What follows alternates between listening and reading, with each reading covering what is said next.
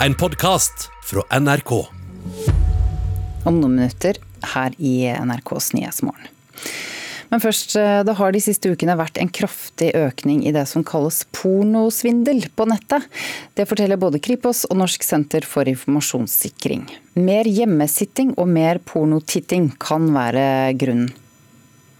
Unnskyld. Hei. Vi er ute på gata for å spørre folk om noe kanskje mange kvier seg for å fortelle om. Hvis de har lyst til å se på meg liksom runke, så får de bare gjøre det, liksom. Vi spør nemlig om det er noen som har opplevd dette. Du mottar en e-post eh, hvor det står at du har eh, surfet porno, og, har, eh, og at da angriperen har tatt over webkameraet ditt og har filma deg når du har surfa porno. Det er Hans Marius Tessem, seniorrådgiver i Norsk senter for informasjonssikring, som snakker. Og det de da ber om, er jo penger for at de da ikke skal spre det materialet de har fått tak i. En slik e-post, en såkalt pornosvindel, er noe Tessem og hans kollegaer får et par henvendelser om hver uke gjennom hele året. Men de siste få ukene har det kommet til sammen et hundretalls henvendelser, der flere har valgt å betale svindlerne penger. Tessem tror økningen skyldes at flere sitter hjemme, og flere ser på porno. Kripos har også den siste tiden sett at pornosvindel på e-post øker i omfang, forteller seksjonsleder ved Kripos, Jostein Strømnes. Vi får rapportert av politiets nettpatruljer bl.a. at eh, de merker en viss økning. Strømnes mener Kripos ikke har grunnlag for å si om dette kan ha noen sammenheng med koronatiltak. Mannen vi møtte på gata har ikke opplevd å få en slik e-post. Men vi treffer faktisk ei som har opplevd det. Nei, jeg har jo fått mail der de sier at uh, de bl.a. har bilder av meg, uh, nakne, og de skal sende til familie. Og... Og hva, hvordan reagerer du på det, da? Jeg svarer ikke og tar det til side. Gjør ikke noe med det, egentlig. Og det er det man skal gjøre, ifølge Tessem. Det beste er bare å slette e-posten, uh, og i hvert fall ikke gå i dialog med dem. Det var eh, reporter Christian Ingebretsen som hadde sett på denne saken. Du hørte til slutt Hans Marius Tessem, som er seniorrådgiver i Norsk senter for informasjonssikring.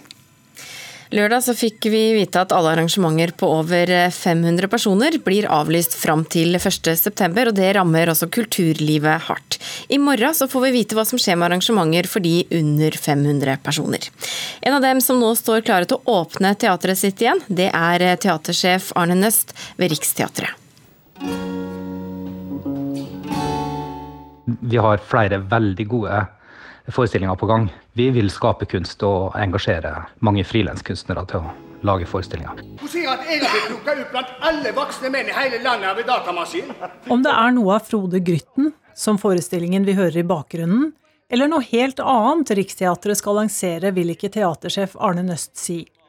Men de har planene klare når kulturministeren bare kan fortelle hvor mange mennesker som kan få være i ett rom. Vi trenger å få vite hvor mange en kan tillate i en teatersal. Fordi der, der ligger jo en inntektsstørrelse som en må regne på. da. Utfordringene står i kø for en teatersjef i koronatiden. Hvor mange kan få være i en riksteaterbuss f.eks.? Og kanskje det viktigste Vi har jo andre utfordringer også i bransjen vår, nemlig at skuespillere vanligvis har eh, nærkontakt. Arne Nøst tror publikum vil komme. Hvis det føles trygt, så er folk sultne, men folk er også engstelige rundt om. Men jeg bor jo i Oslo og ser jo hvordan folk på en måte stimler sammen. Vi er jo sultne på samvær.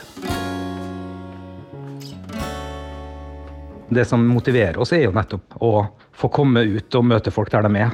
Og vise eh, teatret i sin på en måte egentlige form. Da. Og vi tror folk ønsker å oppleve levende kunst i samme rom.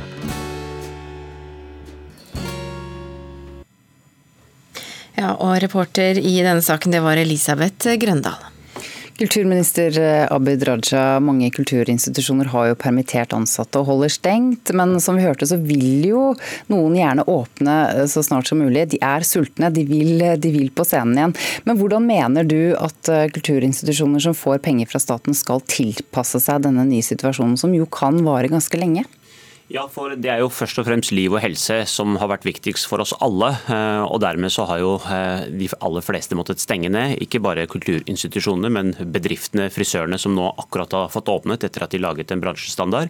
Så vi skal jo tilbake heldigvis til en normal hverdag, men det kommer til å ta tid. Men Hva slags Mens tilbud står... ser du for deg ja, at f.eks. Si. teater og kinoer kan levere? Ja, og det skal jeg si, men jeg skal tenkte å si noe også innledningsvis i forhold til at altså, kulturen skal også være her med oss i krisen. Eh, og det, Den skal ikke bare være der for å skape velbehag og latter. Den skal også bevege oss, men den skal også trøste oss.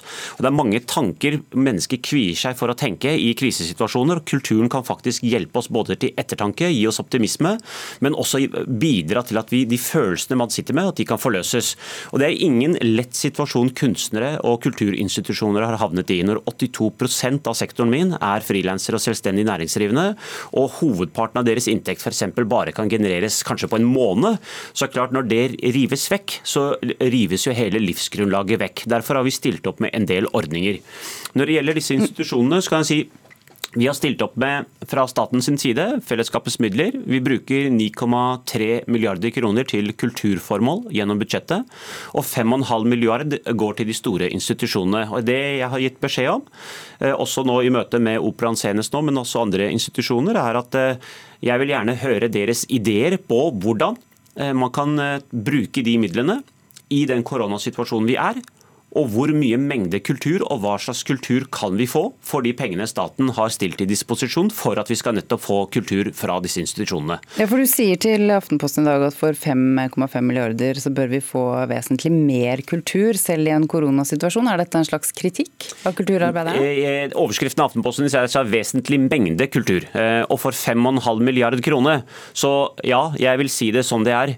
Det er kritikk? Vi, nei, det er det ikke. Jeg sa at jeg forventer at man leverer vesentlig vesentlig mengde kultur for 5,5 milliard. Vi er i en koronasituasjon. Situasjonen er vesentlig annerledes enn det pleier å være. Men det er kulturinstitusjonene, og de har tillit til de, sitter på de beste ideene. Det er de som har skaperviljen, skaperkraften, og jeg vet det bobler i institusjoner med nye ideer. Altså, det er jo det med hvordan de skal gjøre ja, det, da, når de samtidig skal passe ja, på disse altså, Jeg har kanskje 20 ideer på hvordan en kulturinstitusjon kan gå frem nå i koronasituasjonen. Men jeg tror det er likevel er lurest at det der prinsippet som vi snakket så høyt og fint om før koronaen slo til, at jeg ikke skulle gå inn og bestemme hvem kunstnere skulle få tildelt midler eller ikke, uavhengig av om du brukte kroppsvæsker eller ikke. Akkurat nå skal jeg fremdeles opprettholde det prinsippet. Jeg skal ikke gå inn i de institusjonene og bestemme hva de skal eh, gjøre, men det jeg sier til de er at dere har fått 5,5 milliard, og jeg forventer at man man, man presenterer vesentlig mengde kultur for de pengene, så skal jeg være en støttespiller. Jeg skal tilpasse de eventuelle regelverkene. Vi skal gå i dialog for å se om det er styringssignaler vi skal endre på. Og så skal alle føle på at når den tid kommer, at man kommer i en vanskelig situasjon, så kommer kulturministeren og regjeringa også til å være der for å hjelpe til i den økonomiske vanskelige situasjonen man ellers skulle eh, ikke ha planlagt for. Koronasituasjonen selvfølgelig setter oss på prøve, men det er viktig at kulturinstitusjonene kommer med ideene. Og jeg ser at Operaen har gått frem. De sier ja, de at de har 10-15 ideer. Ja, det er kjempebra. Det har vært i god dialog med, med Opera nå over, over, tid. Og det er et stort maskineri. Eh, de er en, eh, altså jeg kom jo fra samferdselskomiteen i forrige periode. Vi snakket om knutepunktene. Eh, og dette her er jo store institusjoner som er drivhjulene i maskineriene. Og hvis disse institusjonene, orkestrene, museene, operaene, teaterne kommer i gang, så vil det også få andre i gang. Og de må tenke kreativt, og vi må tenke innafor de smittevernreglene som gjelder. Nå har vi stengt over 500. Men hvis det bare er mulig med 20 stykker som publikum publikum ved Den nasjonale mm. scene f.eks. Er det da en god idé for dem å sette opp et stort og dyrt eh, stykke, syns du? Akkurat nå har vi jo tatt en beslutning på at det ikke vil være mulig å ha store menneskemengder over 500 frem til 1.9. De reglene må vi forholde oss til. Vi kan ikke risikere er at du går på en forestilling og dermed er 300-400 stykker smittet av korona. Den situasjonen kan vi ikke komme i. Når det gjelder situasjonen for menneskemengder under 500, det er en vurdering som eh, vi skal ta stilling til nå på torsdag i morgen, etter at vi kommer til å få de oppdaterte faglige rådene. Viktig å si at Det er ikke jeg som kulturminister som bestemmer hvem institusjon som får åpne eller ikke. Vi får råd fra sterke faglige råd fra Folkehelsedirektoratet, Folkehelseinstituttet, og basert på det fatter regjeringa sin beslutning. Jeg er opptatt av at kulturen også skal være til stede og, eh, og, og være en aktør mens krisen pågår. Derfor har jeg oppfordret institusjonene til idédugnad innenhus. Ja. Så presentere de ideene. Og jeg har sagt jeg kommer til å tilpasse de eventuelle reglene som må tilpasses. Og hvis jeg må endre på noen altså, mm, veiledningsbrev, altså signaler som vi har sendt, så skal vi være behjelpelige med det. Og så skal institusjonene føle på at de har armlengdes avstand til å selv bestemme hva slags innhold de kan presentere for 5,5 milliarder kroner. det er jo vanskeligere enn det kanskje høres ut dette her. Kulturinstitusjonene står jo nå uten billettinntekter. De fleste er stengt, folk er permittert. Foreløpig er bare mars og april dekket av regjeringens krisepakke for arrangementer. Eh, Kommer du til å komme med flere pengegarantier, slik at eh, hjulene kan komme i gang igjen? Ja, Det jeg kan si på det er at eh, Man kan ikke bevilge midler eh, i et radiointervju. Eh, Men vi har bevilget, eh, ikke vi, regjeringa har fått en bevilgningsfullmakt fra Stortinget til å dekke opp for mars og april. Stortinget har foreløpig ikke gitt en bevilgningsfullmakt for mai og juni. Men jeg kan strekke meg så langt som kulturminister og si at når vi først gjorde et forbud mot arrangementer ut april, så stilte politikerne opp med midler. Nå har det arrangementsforbudet eh, blitt forlenget frem til 15. juni, og det er klart at kulturministeren kommer til å ta initiativ overfor sine kolleger i regjeringa, og så får vi komme tilbake til å se hvordan vi eventuelt eh, kompenserer for i, i den perioden hvor, eh, hvor man har fått beskjed om at man må stenge ned. Takk, kulturminister Abid Raja. Og kulturkommentator i NRK Agnes eh, Moxnes, eh, ja, hva syns du om signalene på slutten her? Det er jo litt, altså det jeg tror kulturlivet er veldig glad for å høre kulturministeren si, at nå må vi åpne opp og vi må sette i gang hjulene. Det er kanskje det viktigste, at man begynner å tenke fremover og ikke være eh, Må være opptatt av hvordan man skal kompensere og gjøre det mulig for kulturlivet å overleve denne krisen. Eh, Men eh, samtidig så er vi inne i en periode hvor vi ser ingen utgang. Eh, Kulturlivet er antageligvis altså rammet på en annen måte enn veldig mange andre næringer. Fordi hvis vi hører på, eh, på helsemyndighetene, så sier de at vi må regne med at vi skal ha avstand kanskje helt inn til, til, eh, til neste år. Så det er mange utfordringer som ligger i bånn her. Og så syns jeg nok at det kommer litt doble signaler fra, fra kulturministeren. fordi de signalene som kom, og som eh, de store offentlige institusjonene har forholdt seg til, det, det var jo at hvis man ikke har inntekter, så kan man Og institusjonene er stengt, altså dørene er jo lukket, så kan man stenge ned og, og permittere. Eh, Mens nå kommer han da tilbake igjen og sier at han forventer at vi bruker de 5,5 milliarder kronene eh, på en, at det skapes eh, kunst og kultur. Men så er jo da spørsmålet hvor store, stort publikum kan man ha? Hvor store billettinntekter kan man ha? Ja, fordi Billettinntektene også er jo vesentlig selv om man får statsstøtte. Det er jo eh, litt viktig å ta med her. De er veldig vesentlige, og veldig mye av eh, institusjonenes penger går rett og slett til drift og husleie osv. Det er jo en liten bit som går til å skape kunst. Og for å få til det, så må man ha eh, billettinntekter. Og man kan, må jo ikke komme i en situasjon hvor de store husene spiller for et så lite publikum at du ender opp med at institusjoner rett og slett går konkurs. Er det en frykt? Ja, det tror jeg er en, en eh, frykt, eh, og, og det vil jo være en, en fortvilet situasjon. Nå vil vel helt sikkert kulturministeren si at det må kulturlivet være trygge på, at det ikke kommer til å skje. Men et ansvarlig styre og en ansvarlig ledelse på en institusjon er nødt til å tenke de tankene. Men på hvilken måte akkurat nå eh, syns du at eh, kulturbransjen eh, takler dette? Har, altså kulturbransjen, Det er veldig tydelig akkurat nå eh, at kulturbransjen er delt i, i to. På den ene siden så har du det liksom f- festivalene og det frie, det frie kulturlivet. eh, Fra små eh, danseband og, og hele veien oppover til de store festivalene. På den andre siden så har du de store statlige institusjonene som får de meste meste av pengene fra staten. Så langt så har de siste vært veldig stille, mens kampen har stått for de private eller de som har dette som, som næring. Eh, og det har nok vært egentlig et savn at de store institusjonene med den kraften de har, ikke har vært mer på banen enn en det de har vært. Vi får se hvordan det blir eh, framover. Kulturkommentator i NRK Agnes eh, Moxnes, fint at du også var med i eh, Nyhetsmorgen. Forfatter og agronom og journalist Siri Helle har skrevet bok om å bygge et lite hus de fleste av oss har et forhold til, eh, og med jevne mellomrom å gjøre et nødvendig ærend eh, i. Men eh, med bare nevene, som boken heter, handler ikke ikke bare om husbygging i mikroformat. Eh, den har også en undertittel, og det er eh, et forsvar for praktisk arbeid. Den passer spesielt godt akkurat nå, mener du, eh, litteraturkritiker Knut Hoem. Det skal vi komme tilbake til. Men litt om sjangeren først. Er dette en håndbok? Ja, det vil jeg si at det er. Ehm, det er Siri Helle hun har arvet en hytte som eh, ligger i, i nærheten av Holmedal, og da er vi i Vestland eh, fylke. Og eh, der har hun veldig mye plagsom sitkagran på eiendommen som hun som hun tar ned og, og kvister stokkene og plasserer de i bakken.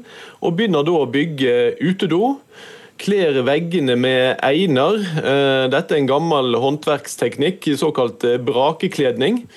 Og så topper hun det hele med spon eh, av samme virke som hun har spadd ut av vedkubber med en kløyvekniv. Så her er vi med på hele prosessen steg for steg. Men Siri Helle er ikke snekker? Nei, og, og, det skiller jo denne boken fra mange andre eh, håndbøker. At eh, forfatteren ikke har uendelig kunnskap eh, om eh, emnet. Hun er utdannet eh, agronom. Hun er også spaltist i Dag og Tid. Hun er rå på å melke geiter, men her er hun, eh, starter hun litt fra scratch med dette husbyggingsprosjektet. Og det blir også litt skeivt, så jeg tror at for folk som virkelig kan bygge hus, så kan det nok være bitte litt smertefullt å lese denne boken. Det, det må du forklare. Nei, det er jo klart at hvis du virkelig kan bygge hus, så aksepterer du ikke at det er skeivt. Men det, denne boken handler ikke om å gjøre det perfekt. Det handler om hvor viktig det er at vanlige folk som deg og meg bruker nevene. Hun vil at vi skal leve et mer praktisk liv, er det sånn? Ja, og derfor er jo også undertittelen på boken 'Et forsvar for et uh, mer praktisk liv'. Og hender, never, er det sentrale bildet, den sentrale metaforen i boken. Og hvis vi tenker igjennom språket vårt, så er det jo veldig mange ord for dette med å være nevenyttig og, og det å ha håndlag. Og, og, og denne boken diskuterer om vi har håndlag, og hvor viktig det er for oss å ha det. Og her blir Siri Helle også personlig. Hun forteller om sin egen oppvekst og det å gå på skole med noe som kan ha vært en ADHD-diagnose. Og hun diskuterer også hvordan skoleverket ivaretar elever som har praktiske evner. og um, Hun argumenterer også for at dette med praktisk kunnskap det er noe som ikke bare må være forbeholdt de som skal ta yrkesfag, men at denne eh, praktiske kunnskapen må være noe som alle skoleelever får del i, også som vi som skal bli litteraturkritikere og programledere i radio. Takk, litteraturkritiker Knut H. Du har hørt en podkast fra NRK. Hør flere podkaster og din favorittkanal i appen NRK Radio.